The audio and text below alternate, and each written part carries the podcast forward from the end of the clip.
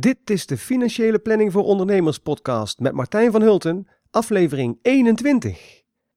En dit is alweer de zevende aflevering van de serie Doe het zelf financiële planning, waarin ik jou vertel hoe je zelf je eigen financiële situatie onder controle kunt krijgen. Aan het einde van de vorige aflevering had ik, heb ik aangekondigd dat ik het zou gaan hebben over oude dagsvoorzieningen. Maar toen bedacht ik mij dat ik dat al eerder in deze serie heb gedaan, namelijk in de afleveringen 5 en 6. Twee afleveringen lang over oude dagsvoorzieningen. Dus het leek mij een beetje te veel van het goede om daar nou nog weer eens uh, over te beginnen. Wat niet wil zeggen dat het later nog wel weer eens een keer aan de orde kan komen. Zeker binnenkort als er meer nieuws komt over de wijzigingen in de wetgeving rond de eigen beheerpensioenen. Maar voor nu uh, leek het me verstandiger om een ander onderwerp te kiezen. En ik heb dus besloten om het te gaan hebben over het levenstestament.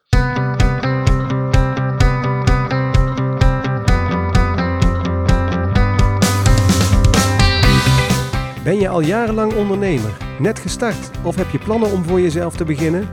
In deze podcast krijg je allerlei informatie over zaken waar je als ondernemer tegenaan loopt. Ik ben Martijn van Hulten, financieel planner en belastingadviseur en zelf al bijna 15 jaar ondernemer.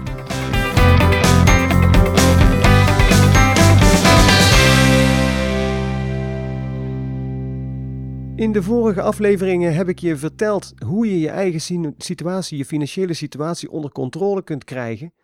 En uh, als je dat nou allemaal voor elkaar hebt en je hebt het gevoel dat je zelf alles in de grip hebt, dan uh, doet zich misschien wel een keer de vraag voor van wat zou er nou, uh, wat, wat gebeurt er nou als er met jou iets gebeurt? Als je overlijdt, stel je krijgt een ongeluk en je overlijdt, ja dan treedt jouw testament in werking. En uh, daar staat dan precies in uh, wat er moet gebeuren met je vermogen en waar dat heen moet.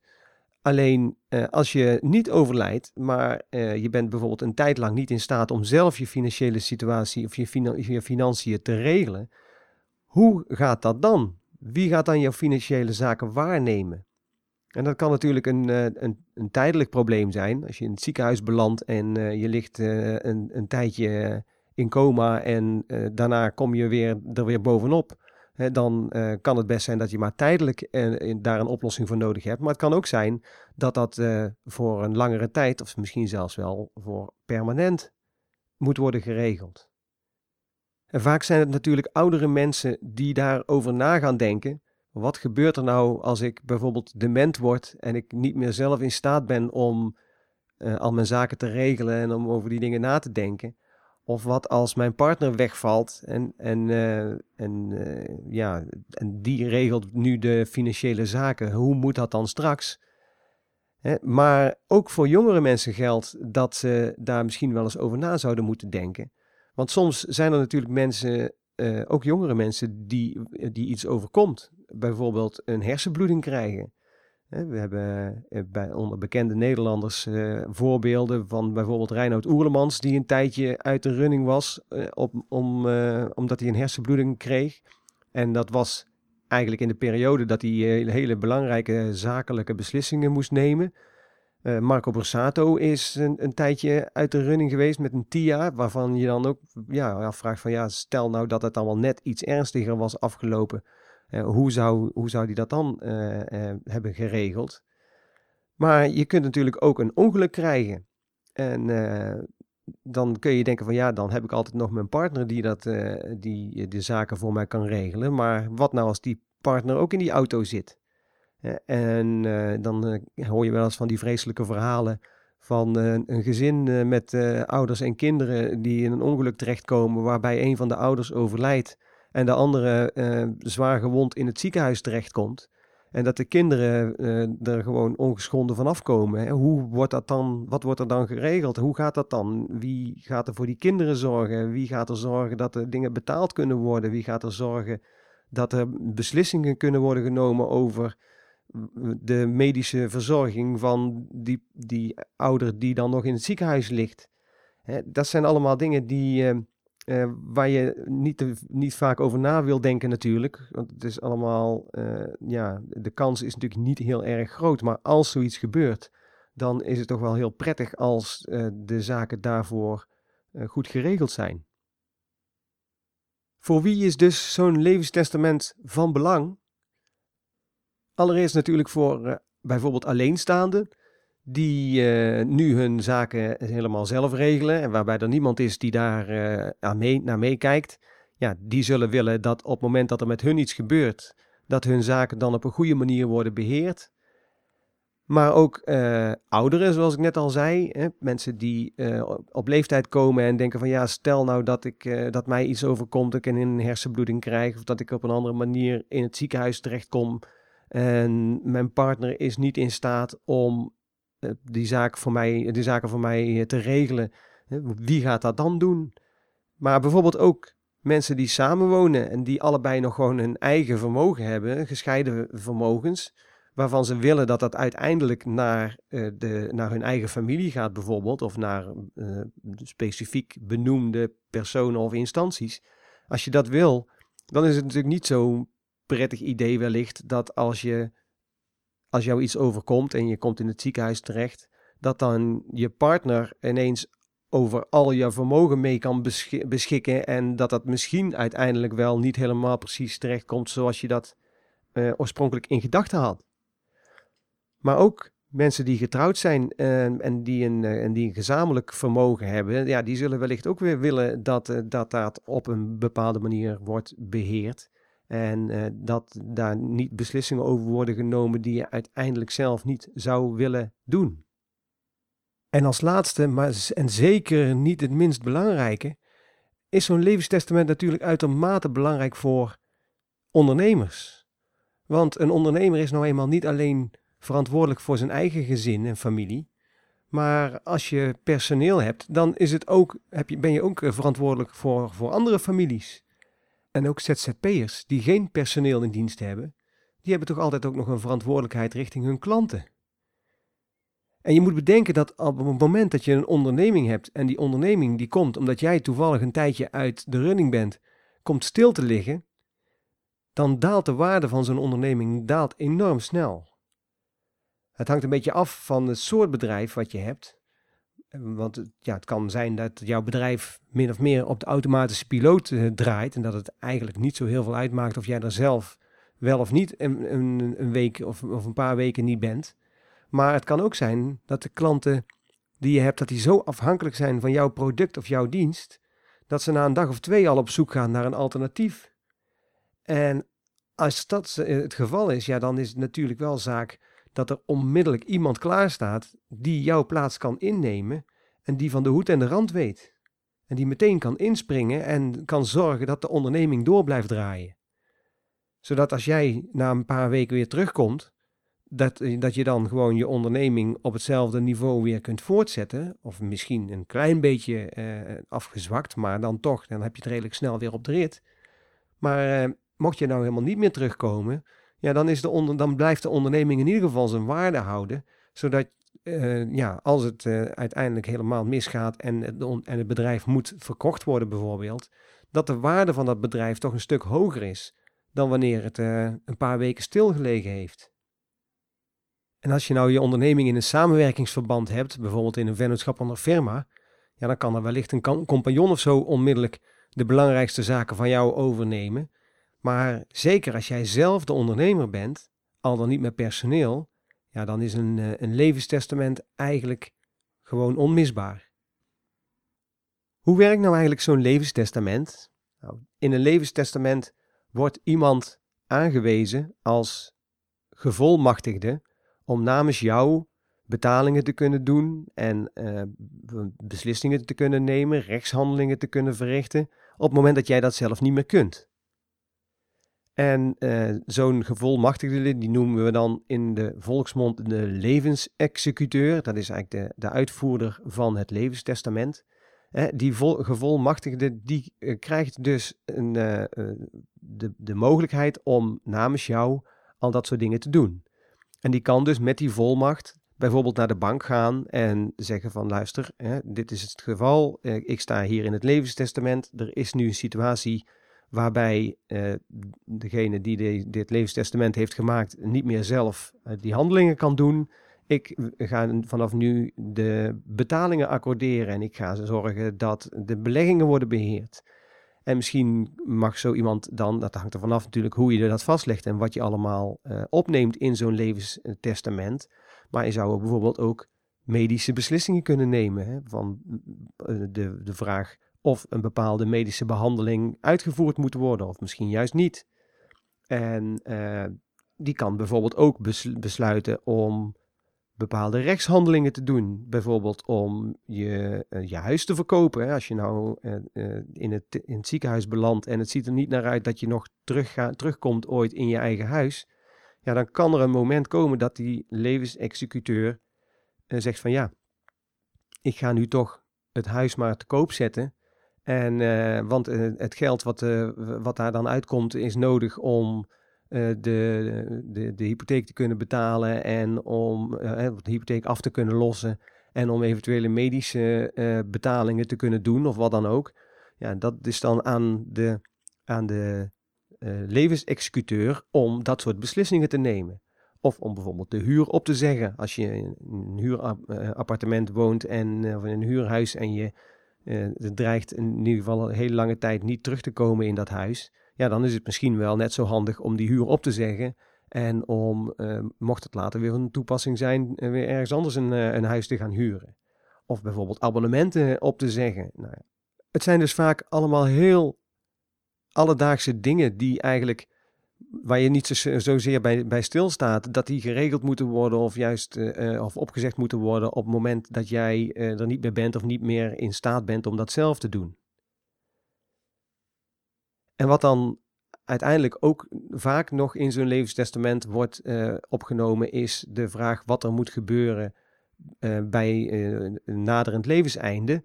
Hè, wil je dat er op een gegeven moment euthanasie wordt toegepast, dan kun je dat soort zaken ook opnemen in zo'n levenstestament. En kun je vastleggen wie dat daar uiteindelijk over moet beslissen, of wie, dat, wie daar uiteindelijk een goedkeuring over wil moeten geven als die situatie zich voordoet. Met name ook bij ondernemers is het heel erg belangrijk dat je goed hebt vastgelegd wat de dingen zijn die je moet doen en waar, waar een eventuele invaller zaken kan vinden, zodat hij zo snel mogelijk de onderneming kan, uh, kan voortzetten. Waar zijn bijvoorbeeld de wachtwoorden van belangrijke computerprogramma's? Hoe komt die in het betaalprogramma? Hoe werkt de boekhouding? er zijn heel veel zaken die van belang zijn als, een, als iemand plotseling van het een op het andere moment die onderneming moet oppakken. Ja, dan moet het natuurlijk niet zo zijn dat hij dan vervolgens nog een week aan het zoeken is naar allerlei zaken voordat hij het een beetje op de rit heeft. De Koninklijke Notariële Beroepsorganisatie, de KNB, die heeft een soort heeft een document opgesteld, een soort checklist, met uh, allerlei vragen die je eens door zou moeten nemen voordat je een levenstestament gaat laten opstellen. Ik zal een link in de show notes bij deze aflevering zetten op uh, www.vanvucht-vanhulten.nl fpo 021. En dan uh, daar zet ik een link in waarmee je een, uh, kunt, kunt inschrijven voor mijn nieuwsbrief. En degenen die al ingeschreven zijn voor mijn nieuwsbrief, die krijgen sowieso dat document in de mail bij de aankondiging van deze, of hebben hem al gehad op het moment dat ze dit horen wa waarschijnlijk. Want dan zit hij bij de mail waarin ik uh, dit, uh, deze aflevering aankondig. Deze checklist is dan wel specifiek bedoeld voor particulieren natuurlijk, niet specifiek, niet, niet specifiek voor ondernemers. Dus ik zal ook nog eens nadenken over een, een wat extra vragen die je zou kunnen stellen op het moment dat je ondernemer bent. En die zet ik dan op een later moment nog wel eens een keer in de show notes. En stuur ik nog een keer rond als je je hebt geabonneerd op mijn nieuwsbrief. Je kunt je trouwens sowieso aanmelden voor mijn podcast nieuwsbrief. Als je naar de website gaat www.vanvucht-vanhulte.nl en je klikt dan in de menubalk op podcast, dan uh, zie je aan de rechterkant van de pagina een aanmeld uh, veld waarbij je je e-mailadres en je naam voor- en achternaam in kunt vullen.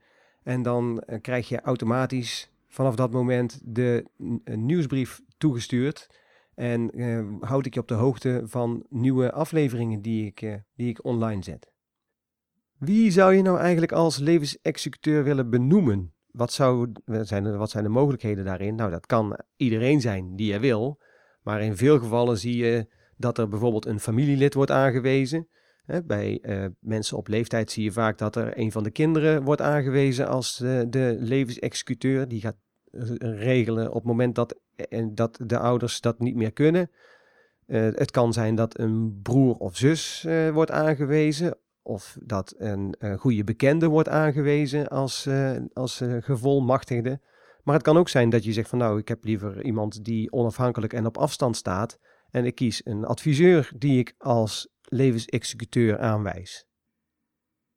Want wat nou bijvoorbeeld als je meerdere kinderen hebt waarvan er één in de buurt woont en de rest heel ver weg, misschien wel in een ver buitenland?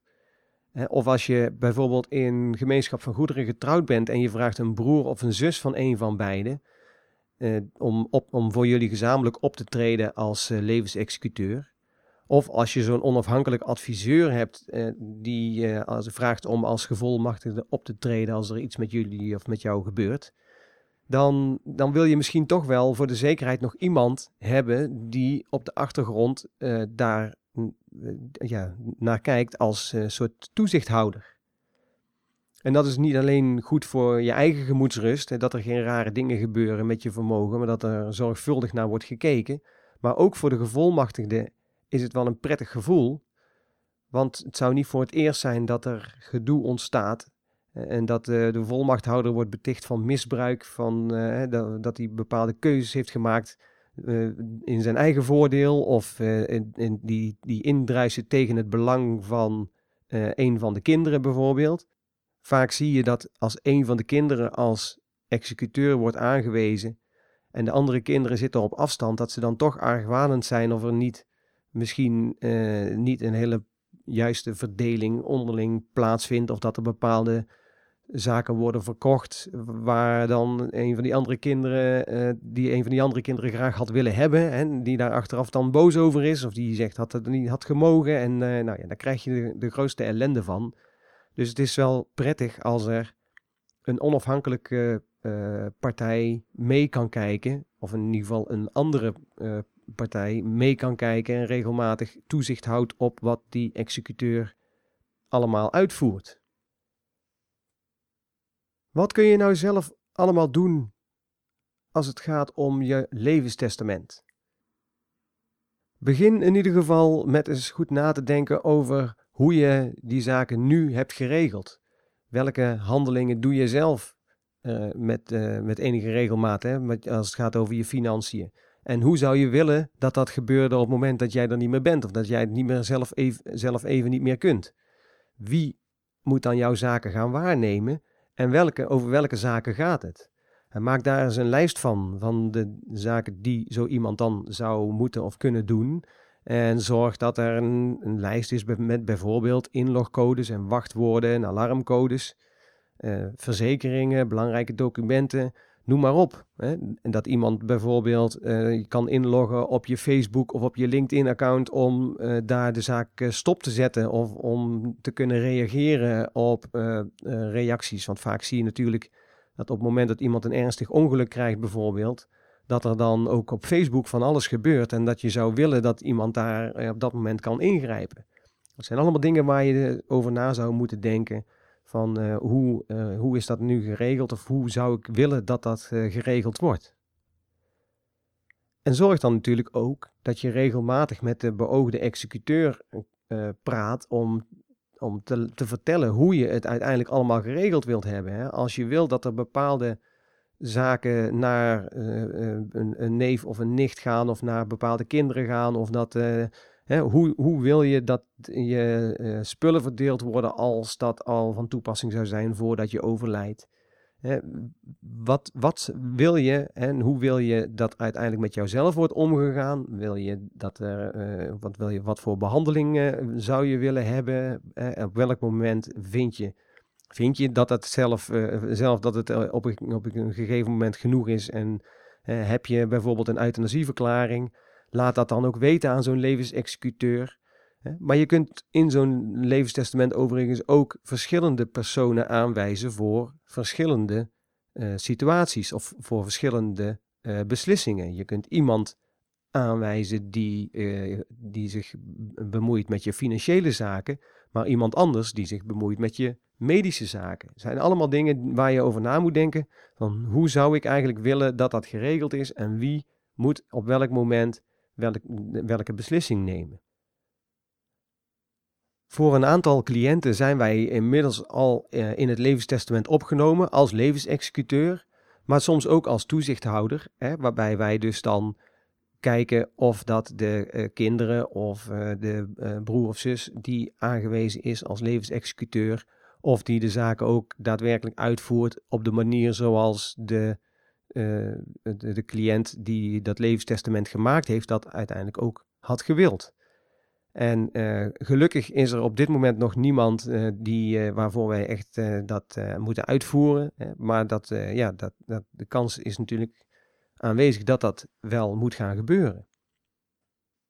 Mocht je nou meer willen weten over zo'n levenstestament, of wil je hulp bij het opstellen van zo'n levenstestament, of wil je dat wij er een rol in spelen als uh, levensexecuteur of als toezichthouder op de executeur die je zelf aan zou willen wijzen, bel dan met Van Vught en Van Hulte belastingadviseurs en financieel planners 073 503 0405 dan maken we heel graag een afspraak om uh, daar eens met, uh, met elkaar over te hebben. Tot zover deze aflevering van uh, de Financiële Planning voor Ondernemers podcast. Een relatief korte aflevering, maar misschien vind je dat wel prettig, of misschien ook niet. Laat het me weten wat je prettig vindt, ik hoor het graag. de volgende keer ga ik het hebben over niet het levenstestament, maar het testament. En over wat je zou moeten en kunnen regelen voor het geval dat je overlijdt. Want ook daar kun je in het kader van een doe-het-zelf financiële planning zelf al heel wat uh, over nadenken en aan doen om te zorgen dat uiteindelijk de zaken zo gaan zoals jij dat het liefste wilt. En uh, dat uh, hoort ook bij het in de grip hebben van jouw financiële situatie. Ook de financiële situatie van je nabestaanden en ja, wat er allemaal gebeurt op het moment dat jij er niet meer bent. Dus ik hoop dat je veel hebt aan deze aflevering, dat je er iets van opgestoken hebt. Mocht je daar meer over willen weten, nogmaals, bel ons gerust. Wij uh, staan graag voor je klaar om je te helpen bij het invullen van zo'n levenstestament. In ieder geval bedankt voor het luisteren en graag tot de volgende keer.